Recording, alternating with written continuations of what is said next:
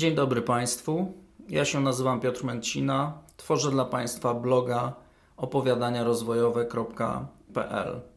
Naszym gościem jest Małgosia Reichert-Lewandowska, psycholożka, psychoterapeutka, mistrzyni metody ustawień systemowych, ustawień rodzinnych. Te nazwy funkcjonują na rynku rozwoju osobistego.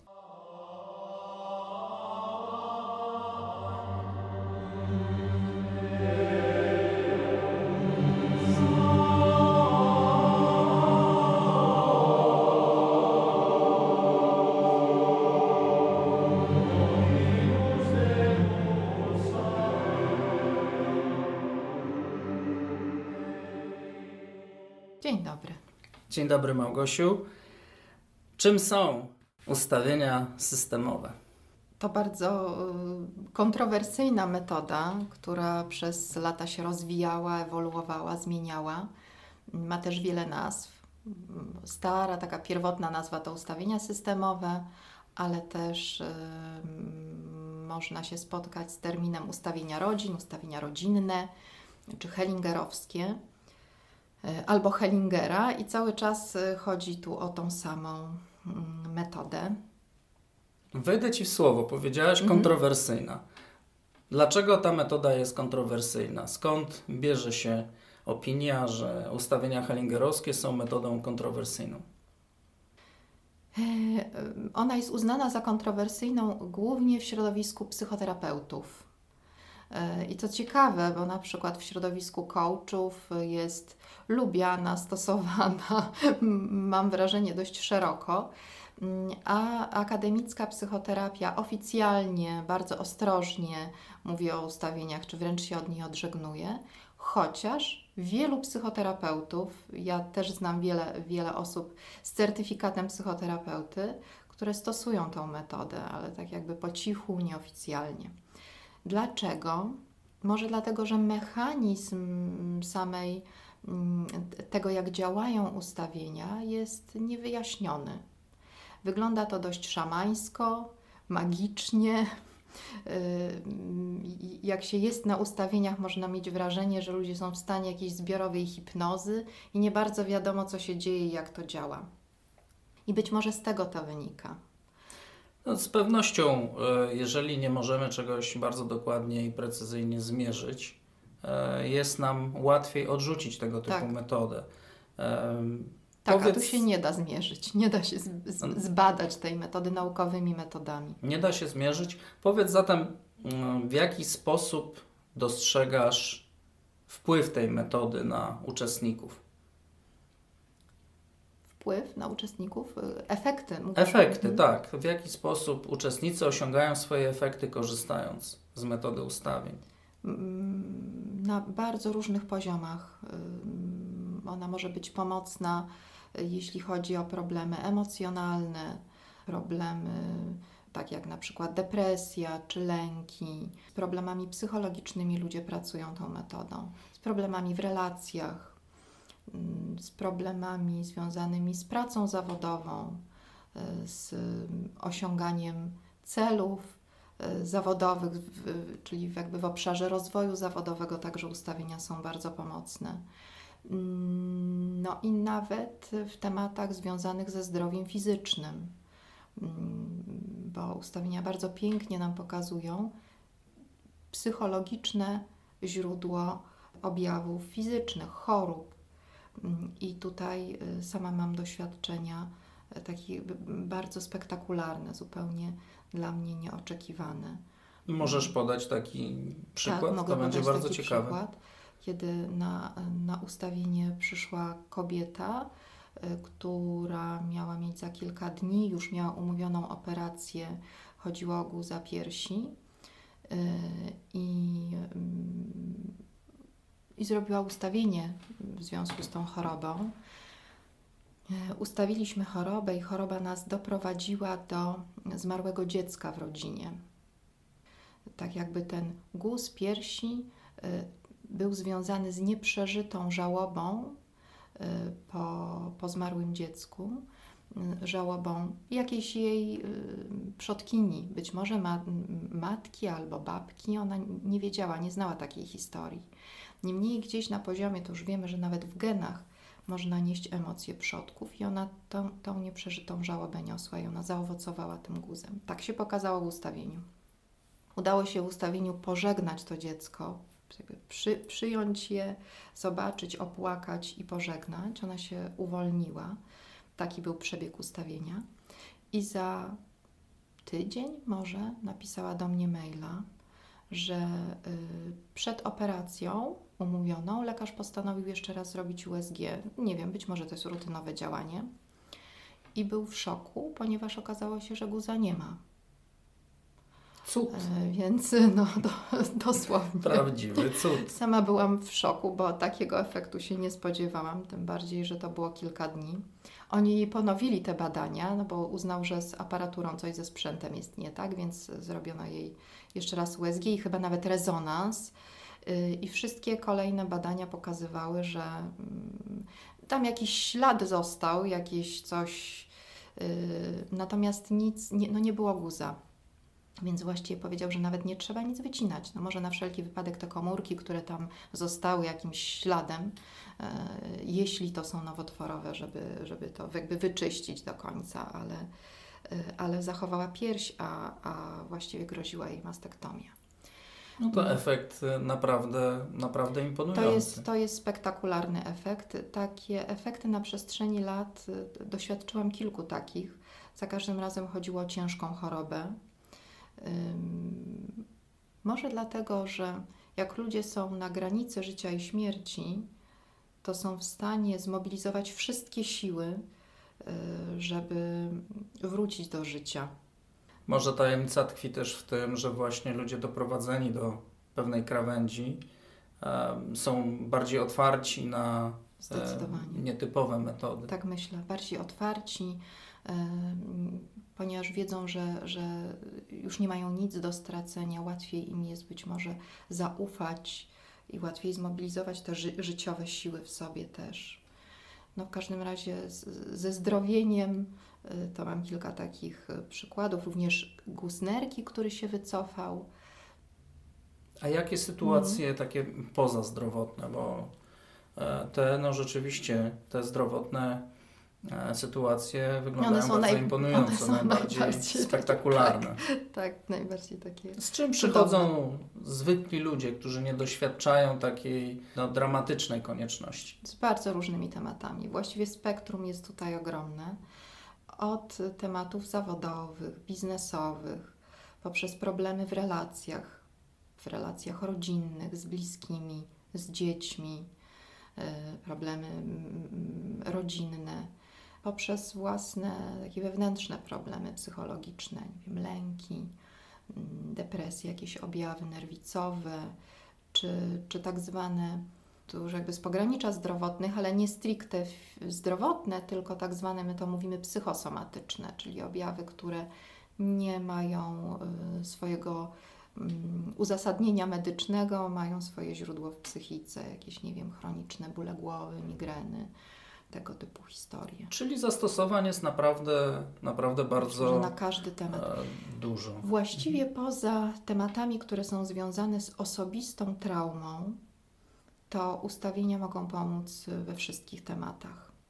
Bo jeśli chodzi o osobiste traumy, to tutaj bardziej przydatna jest psychoterapia, czy mm, no, te metody, które się pracy, które się koncentrują mhm. na jednostce a, a ustawienia pracują owszem z traumami, ale rodowymi. Czyli pracujemy z tymi wszystkimi tematami, które mogą mieć swoje korzenie w jakiejś rodzinnej historii, którą my nieświadomie y, niesiemy, nie wiedząc o tym. Czy pracują z tymi problemami, gdzie nasz, w naszym problemie, tak bym powiedziała, jesteśmy w rezonansie z kimś z naszej rodziny, kto doświadczył traumy. I my jesteśmy z nim połączeni. Na przykład, mogę podać przykład, mhm. biznesowy. Biznesowy, ale okazuje się rodowy. E, otóż to na indywidualne ustawienie na figurkach przyszedł mężczyzna mm, który przeżył już kolejny raz w swoim życiu doświadczenie plajty. Osiągnął ogromny sukces, znana osoba na rynku, dużo osiągnął, po czym człowiek tak y, z takimi zasobami wewnętrznymi i taką mądrością, takim wyczuciem biznesowym, nagle podjął jakąś zupełnie od czapy decyzję, decyzję która spowodowała no, lawinę nieszczęść i firma splajtowała. Po czym znów dźwiga się od podstaw, znów przez lata osiąga sukces i znów robi to samo. I przyszedł i mówi, że to nie może być przypadek. I on chciałby to zobaczyć, dowiedzieć się o co chodzi. No i to, co w ustawieniu nam się pokazuje, to pokazało się, że firma patrzy w dół, to mówiąc językiem ustawień, chce upaść, a on się czuje winny. Przygniata go jakieś potężne poczucie winy, które nie pozwala mu w ogóle do tej firmy podejść i, i, i widzieć, że ona tam chce upaść.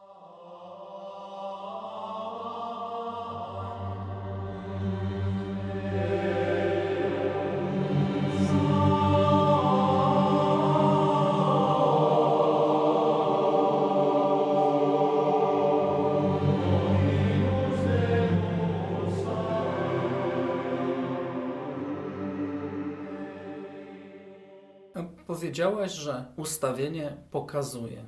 Mhm. Czy możesz nam, niewidzącym, Aha.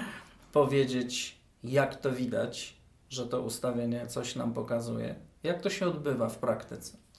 W praktyce odbywa się to tak, że w grupie, w zależności od tematu, y, z jakim klient przychodzi, terapeuta po, decyduje o wyborze reprezentantów, którzy będą reprezentowali e, elementy jego systemu, czyli ktoś, no tak jak on e, tu zgłosił ten temat biznesowy, to wybralibyśmy spośród członków grupy kogoś, kto by miał reprezentować jego jako szefa, mhm.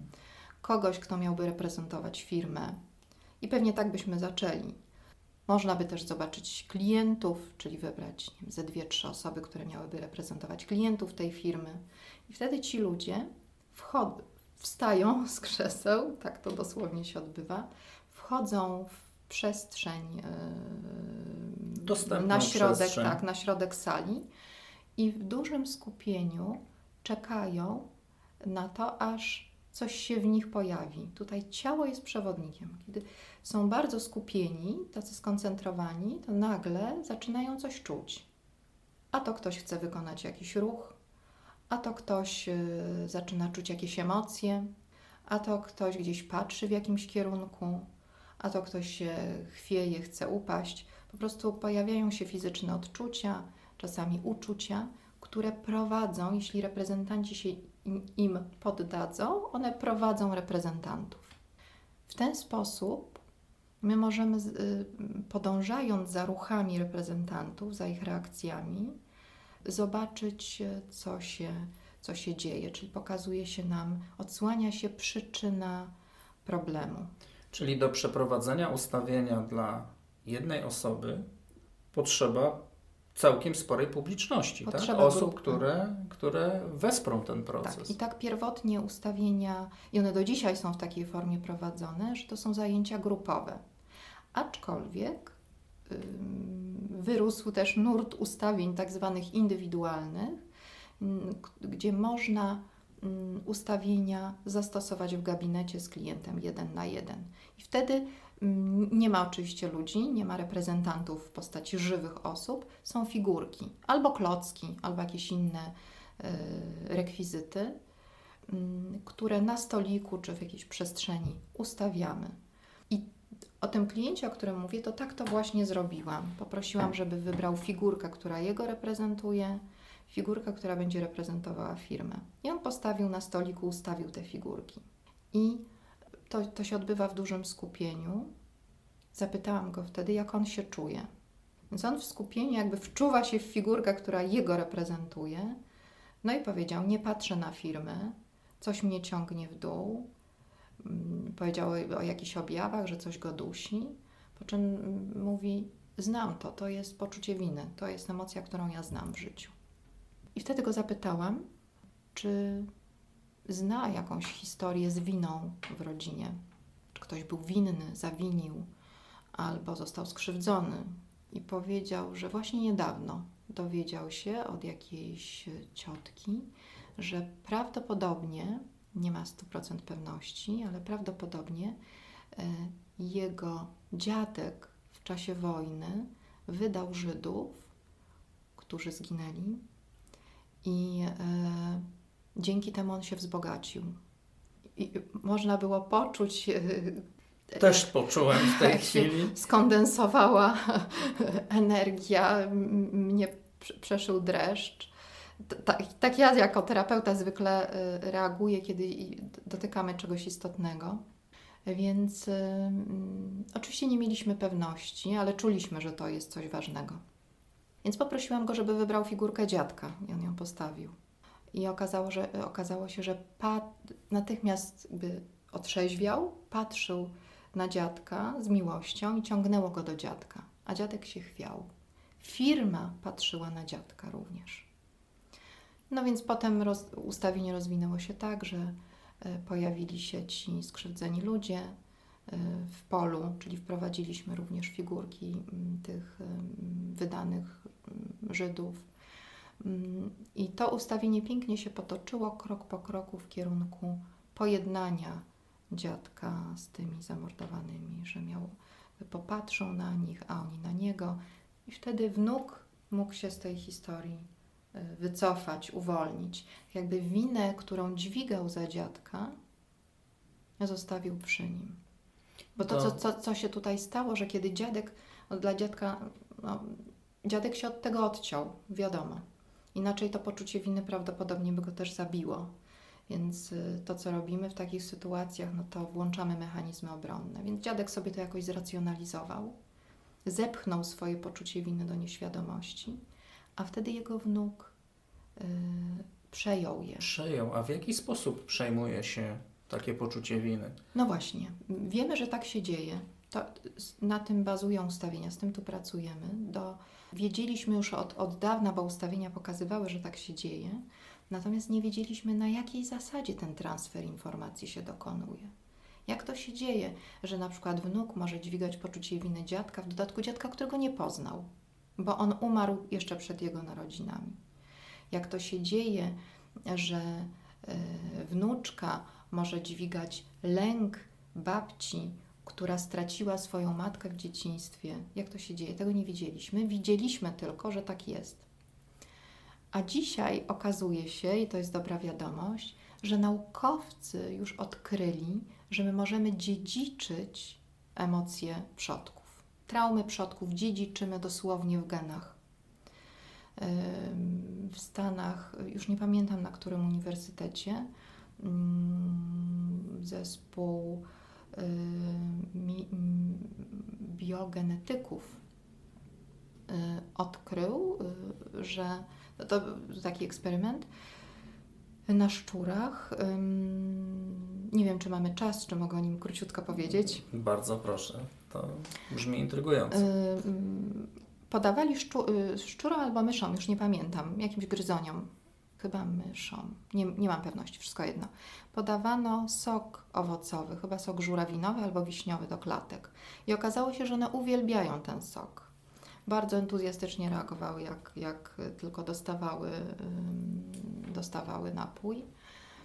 Po czym naukowcy, no niestety jak to okrutnie bywa w takich eksperymentach, przed po y, wstawieniu soku razili je prądem, czyli pojawiał się bodziec bólowy.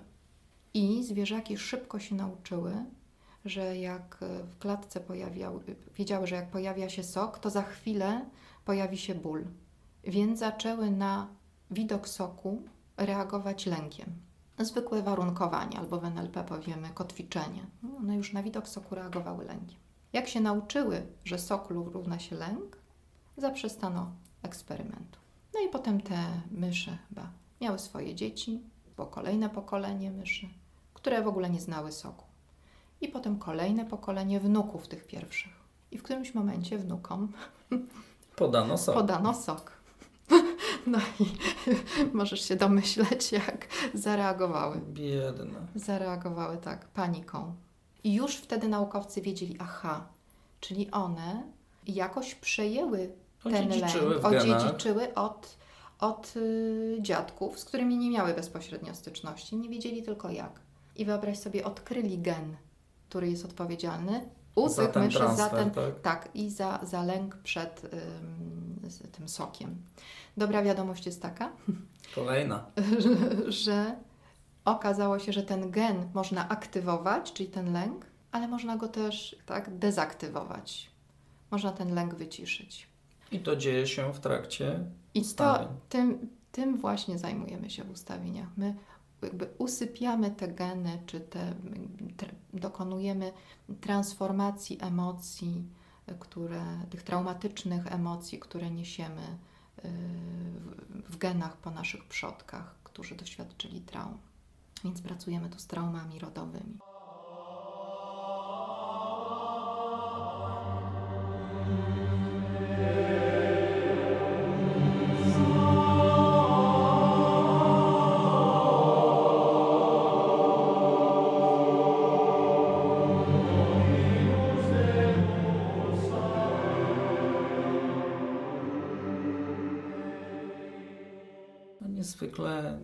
Interesująca, intrygująca opowieść. Powiedz Małgosiu, czy y, mogłabyś przybliżyć postać twórcy metody Berta Hellingera?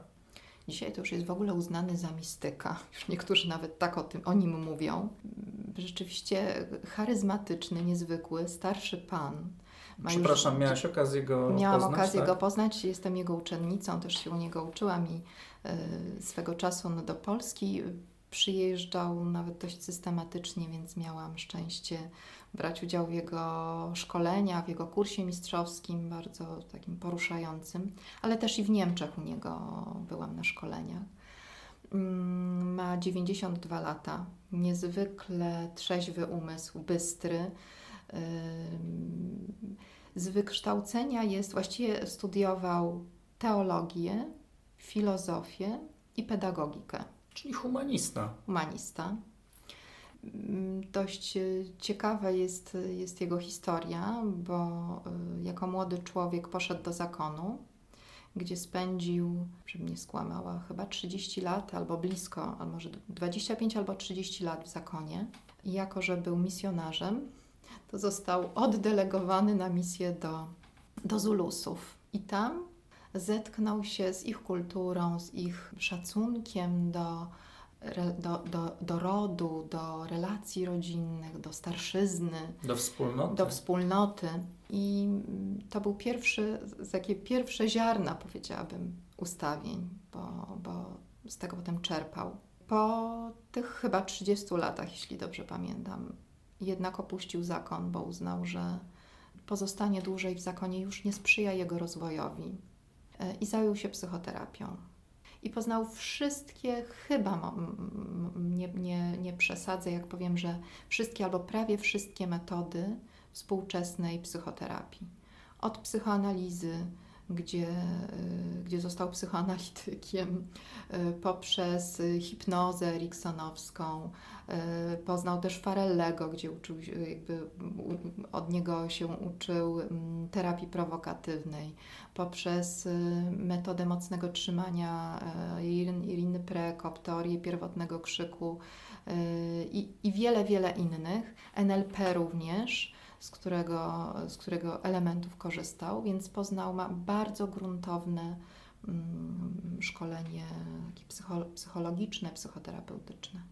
Natomiast ustawienia są owocem jego wglądów. Tak, tak ta metoda y, się rozwijała i, i to nie jest tak, że ona wyrosła z jakiejś koncepcji, że najpierw były jakieś koncepcje i on pod to jakby dostosował praktykę do tych koncepcji, tylko w wyniku obserwacji zauważał pewne rzeczy i, i te wglądy y, zbudowały metodę. Czyli można powiedzieć, że metoda uzyskała swoje korzenie i rozwijała się w wyniku praktyki, tak, jej codziennej praktyki poprzez y, wspieranie innych ludzi. No bardzo ciekawa postać, no szczególnie cenna informacja, że w wieku 92 lat, ponad 90 lat można być sprawnym fizycznie, intelektualnie, podróżować po Nadal świecie, pisze pomagać. książki. Te książki jego dzisiejsze są takie już duchowe, głębokie, takie filozoficzne i nie, nie dają się czytać tak jednym tchem. Tam każde zdanie ma moc. Po każdym, po każdym zdaniu można się zatrzymać i poczuć na sobie działanie tych słów. Więc to jest wszystko wyważone. No, jest e, filozofem, więc nic dziwnego. Mówi się zresztą o tym, że ustawienia, tak się dzisiaj nazywa, że ustawienia są filozofią stosowaną, praktyczną. Bardzo ładne określenie. Praktyczną metodą, która nam pozwala w bardzo szybkim czasie pokazać te dynamiki, jakie są ukryte, dynamiki w relacjach między ludźmi, które są ukryte, czyli pozaświadome. Pozwól, że jeszcze wrócę na chwilę do kontrowersji wokół metody mhm. E, ustawień e, systemowych, ustawień rodzinnych. Może są takie miejsca na świecie, w innych krajach, gdzie metoda jest uznana za oficjalną. Owszem, niedawno, e, zupełnie niedawno, chyba jakieś dwa tygodnie temu, Ministerstwo Zdrowia Brazylii, brazylijskie uznało ustawienia za komplementarną metodę pomagania, czyli z pełnoprawną metodą, którą można stosować w ramach NFZ-u. I jest ona refundowana w dodatku, więc w szpitalach, w poradniach jest dostępna. Więc to jest rzeczywiście przełom. To jest jedyny taki kraj, który tak uhonorował ustawienia. Już wcześniej, wprawdzie, Meksyk nadał Hellingerowi honorowe obywatelstwo, ale to bardziej chodziło o postać samego mistrza, a nie o, o samą metodę. A nie o metodę.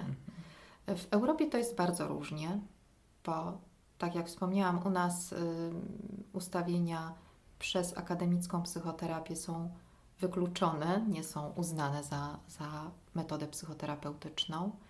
W Niemczech też nie, ale na przykład w Austrii już tak. W Wielkiej Brytanii też y, mam na przykład superwizantów, czyli osoby, które są u mnie w superwizji mm, w ramach psychoterapeutycznego szkolenia i są to osoby, które mieszkają w Wielkiej Brytanii i tam y, warsztaty ustawień, które odbyły i szkolenia metodą he, ustawień Hellingera y, zostają im zaliczone do szkolenia psychoterapeutycznego. Czyli są e, takie pierwsze pierwsze, pierwsze jaskółki. jaskółki, które pozycjonują metodę ustawień w tej realnej rzeczywistości. A jak to wygląda w Niemczech? Hellinger pochodzi z Niemiec, prawda? Tak, Hellinger jest, Hellinger jest Niemcem, no i największa, największe kontrowersje mm, to właśnie w Niemczech miały miejsce. Tam y, niemieckie Towarzystwo Terapii Systemowej napisało, wystosowało taki list którym się odżegnuje od metody Hellingera. Myślę, że też dlatego, że nazwa jest ta sama, bo to jest terapia systemowa w psychoterapii i tutaj ustawienia systemowe. To jest psychoterapeutyczna metoda, która się nazywa terapią systemową i to towarzystwo właśnie, które zajmuje się tą metodą, napisało, że nie mają nic wspólnego z ustawieniami Hellingera. Ale to tak chyba bardziej, żeby pokazać. Czyli taki spór bardziej marketingowy, można powiedzieć, tak, dotyczący myślę, że, nazwy, myślę, a nie że, że o to istoty. Chodzi. Mhm. No, chociaż tam powiedzieli, że to nie jest metoda naukowa, że nie jest metoda akademicka, że yy, nie ma żadnych norm, jeśli chodzi o to, kto może prowadzić ustawienia, yy, więc tak jakby ostrzegali w tym liście klientów, bo w psychoterapii no rzeczywiście jest pewien i proces certyfikacji psychoterapeutów. Można zweryfikować kwalifikacje osoby, która zajmuje się psychoterapią. W przypadku ustawień faktycznie nie, nie tylko psychoterapeuci, nie tylko psychologowie, ale każdy może się nauczyć ustawień i robić ustawienia, więc to też dobrze wiedzieć, żeby sprawdzać to też to potencjalnych klientów, żeby, żeby sprawdzać, kto te ustawienia robi, jakie ma doświadczenie w metodzie i doświadczenie w ogóle zawodowe. No, doświadczenie zawodowe jest e, niezwykle ważne. jako ono, baza, prawda? Jako baza ono decyduje w większości przypadków o, o powodzeniu, bo sama metoda może być bardzo różna, prawda? Różne metody mogą być wykorzystywane, za nimi zawsze stoi człowiek i, i nawet najlepsza metoda wykorzystywana przez osobę tak, albo niekompetentną, w albo celu, prawda? w niecnym celu, czy intencje towarzyszące tej osobie Jasne. będą negatywne i, i wtedy nawet najlepsza metoda nie, może, nie pomoże. Tak, I w drugą tak. stronę podobnie. Metoda, która być może nie ma tak y, przebadanych podstaw naukowych, ale wykorzystywana z empatią, wykorzystywana w bardzo dobrej intencji, może być pomocna. A jak metoda ustawień rozwijała, zresztą prawdopodobnie wciąż się rozwija w Polsce? Ona ewoluowała i, i, nadal się rozwija, i myślę, że póki Bert żyje, a może potem jego uczniowie jeszcze będą to kontynuować, że to będzie trwało. Mm, kiedyś bardzo aktywny był w tych ustawieniach klasycznych, jak my to nazywamy, czyli tych pierwszych. Terapeuta był bardziej aktywny. Dosłownie to on ustawiał, czyli wybierał reprezentantów i ustawiał. Mówił na przykład: Ty będziesz matką, ty będziesz ojcem, mhm. ty będziesz klientem, a ty jego bratem. Czyli taki dyrektywny styl dyrektywny, zarządzania. Tak, i mówił: Ty stań tu, a ty tu, a ty tu i pytał, jak się czują reprezentanci i ich ewentualnie przestawiał. Tak? Matka mówi, no tu mi jakoś, nie wiem, nie widzę syna, gdzieś mnie ciągnie w bok, no to ją przestawiał, mówił, a tu, mhm. a tutaj lepiej, tutaj teraz o, męża nagle zobaczyłam. Więc terapeuta szukał takiego obrazu, który będzie y, dobry dla wszystkich, którzy są w polu, który przyniesie rozwiązanie nie tylko klientowi, ale sprawi, że wszyscy którzy biorą udział w tym ustawieniu, dobrze się poczują. A potem, po, po jakimś czasie, okazało się, że reprezentanci sami się mogą poruszać, że oni sami, no właśnie, to brzmi tak y, dziwnie, ale że oni sami są jakby tak pochwyceni przez pewien ruch, który, który płynie z wewnątrz i zaczynają się poruszać. Nagle ktoś chce się położyć, albo ktoś czuje potrzebę, żeby chodzić w kółko. Czyli okazało się, że oni się podłączają spontanicznie, tak my powiemy, pod informację o osobie, którą reprezentują, pod taką energetyczną informację.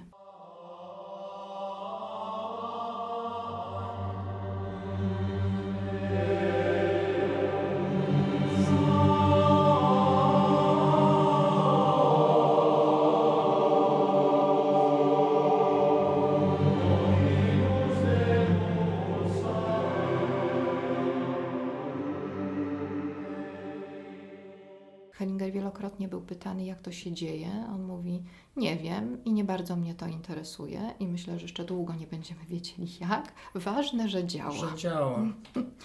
Natomiast dzisiaj fizyka kwantowa powoli dostarcza nam wyjaśnień. Rzeczywiście mówią o tym, że, że wszystko jest energią, że, my pod, że mm, przestrzeń jest informacją, mm, że my pod tą informację możemy się właśnie podłączyć.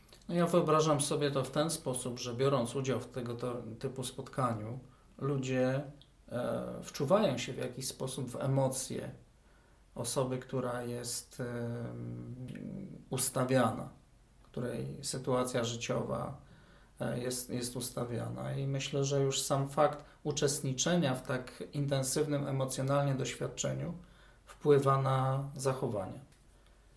Myślę, że to jest nawet więcej niż wczuwanie się, bo czasem, y, bo uczestnicy nic o sobie nie wiedzą, y, nie znają się bardzo często. To, to są obce osoby. To są prawda? obce osoby. Mm, więc ktoś, y, dzisiaj pracujemy tak, że ktoś mówi króciutko o swoim problemie. Na przykład ktoś mówi o, mm, prawdziwy przykład, przychodzi z problemem łuszczycy.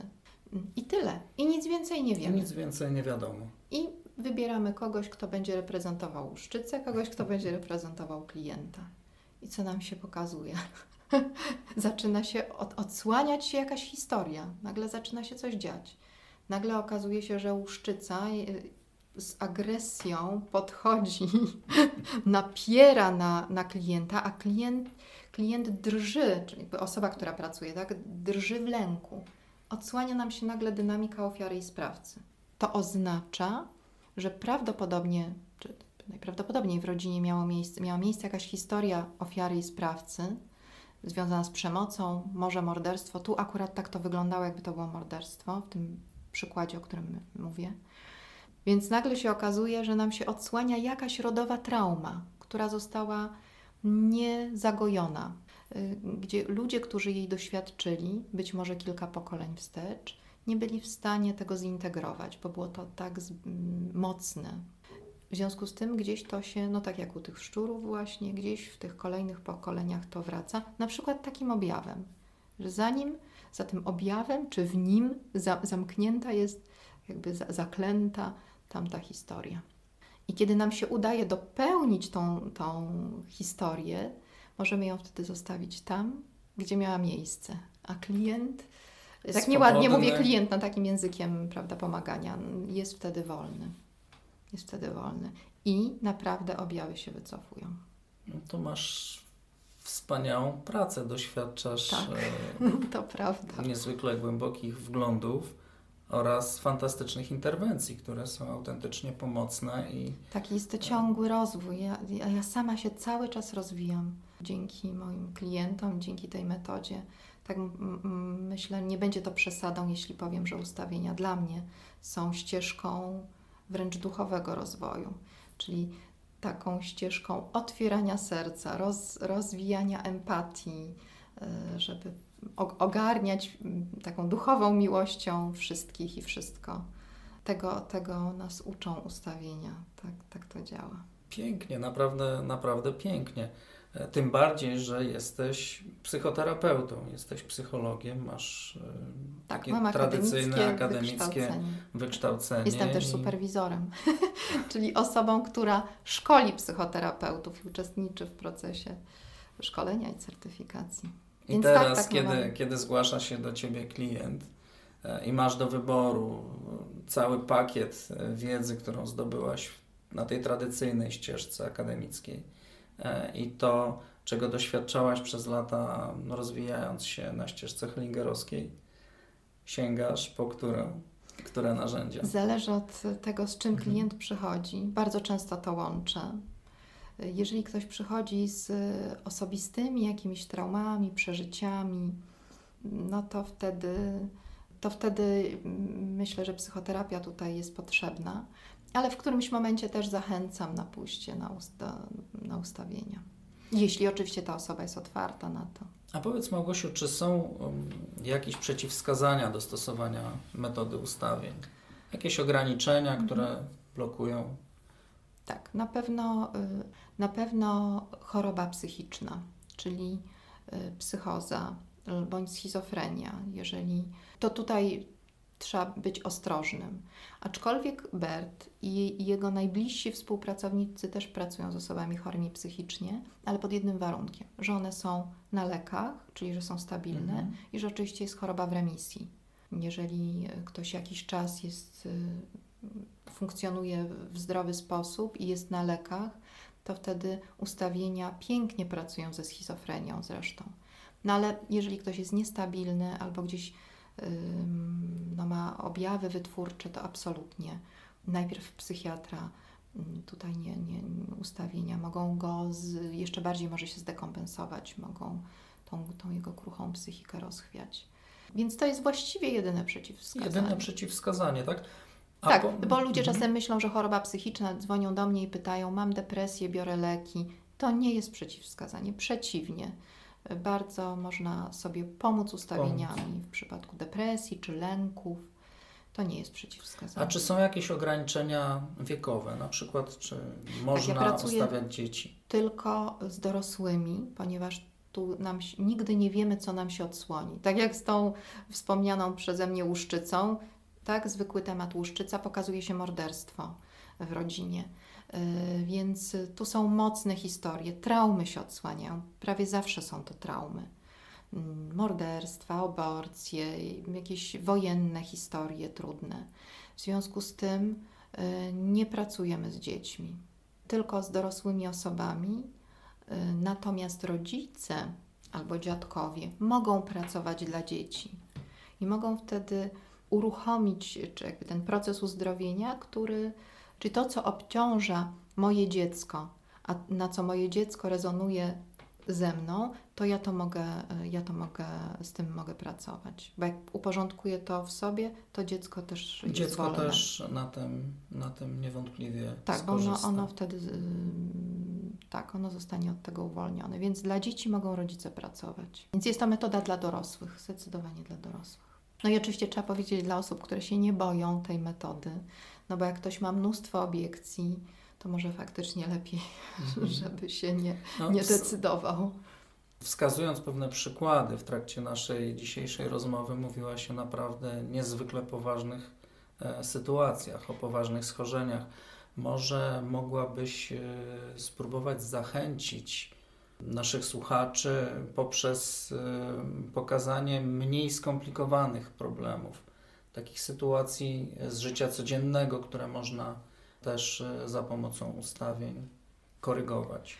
E, Czy w ogóle nie ma sensu na przykład Właściwie poruszać? ustawienia pracują z poważnymi problemami. Z poważnymi, tak. One się nadają tylko do pracy z poważnymi. To nie znaczy, że z takimi, gdzie jesteśmy na granicy życia i śmierci, ale z poważnymi to znaczy takimi, gdzie doszliśmy już do ściany, gdzie wielu różnych rzeczy próbowaliśmy, gdzie, gdzie doświadczamy cierpienia, którego nie jesteśmy w stanie przekroczyć. Czyli nie, nie nadają się do takiej pracy z problemami, z celami. Tak? Mm, kiedyś na ustawienie przyszła osoba, która powiedziała, że ona chce ustawić to, że brakuje jej pieniędzy na apartament na Manhattanie, bo to jest jej marzenie. No i wspaniale, ale to nie jest temat na ustawienie. To może na coaching, albo w ogóle nie, to bardziej życzeniowe, prawda? To nie jest temat na, na pomoc jakąkolwiek. No może ewentualnie na coaching jeszcze, ale to Ty jesteś coachem, to Ty byś wiedział, czy to się nadaje, czy nie. No na tak sformułowany problem rzeczywiście ciężko jest tak, coś zaproponować. Cię, tak. Coś zaproponować. Tu z ustawienia, punktem wyjścia w przeciwieństwie na przykład do coachingu czy, czy niektórych ścieżek terapii, gdzie punktem wyjścia jest cel, na przykład w NLP ważne jest, żeby klient sformułował cel, to w ustawieniach punktem wyjścia jest problem. Wychodzimy od problemu i dochodzimy do jego korzeni i uruchamiamy proces y, transformacji przyczyny. Więc poważne problemy relacyjne, zdrowotne, y, psychologiczne. To powiedz, jak ty sobie radzisz z tym wszystkim, e, z czym przychodzą do ciebie twoi klienci, bo odnoszę wrażenie, że może to być bardzo E, tak mentalnie, psychicznie obciążające. No właśnie nie jest. to znaczy, pilnuję tego oczywiście, żeby, żeby nie robić tych y, warsztatów ustawień zbyt często, bo być może wtedy rzeczywiście byłabym zmęczona. Natomiast y, bardzo często jest tak, y, że, że po warsztacie wychodzę uskrzydlona. Ja też jestem w rezonansie z tym, co się dzieje na, na środku, co się dzieje w ustawieniach. Jeśli ustawienia się dopełniają, coś się rozwiązuje, to ja to też czuję w sobie, w, w swojej, tak ładnie powiedziała, w swojej duszy. Więc mnie to też napełnia, one mnie też karmią, więc wychodzę pełna energii. To jest taka praca, że im więcej dajemy, tym, tym więcej dostajemy. Więc one nie męczą. Ja mogę potwierdzić, bo patrząc na Małgosię mówiącą o tym, widzę dokładnie kobietę spełnioną, zadowoloną, która całą sobą emanuje tym szczęściem swoich klientów. Także tak, to jest moja uzyskałem misja. spójny obraz i w pełni spójną odpowiedź. Także cieszę się bardzo, że, że tego doświadczasz i to chyba może być puentą naszego e, dzisiejszego spotkania, naszej rozmowy. E, życzę Tobie, żeby tak było jak, jak najdłużej, żeby ta Dziękuję. praca, żeby to, to wspieranie E, ludzi, pomaganie im w odnajdywaniu siebie, w odnajdywaniu własnej drogi, ścieżki emocjonalnej, żeby to sprawiało Ci przyjemność, radość, satysfakcję. Bardzo dziękuję. Tego samego Tobie życzę, Piotr. Dziękuję. Bardzo dziękuję za możliwość tej rozmowy. Dziękuję bardzo.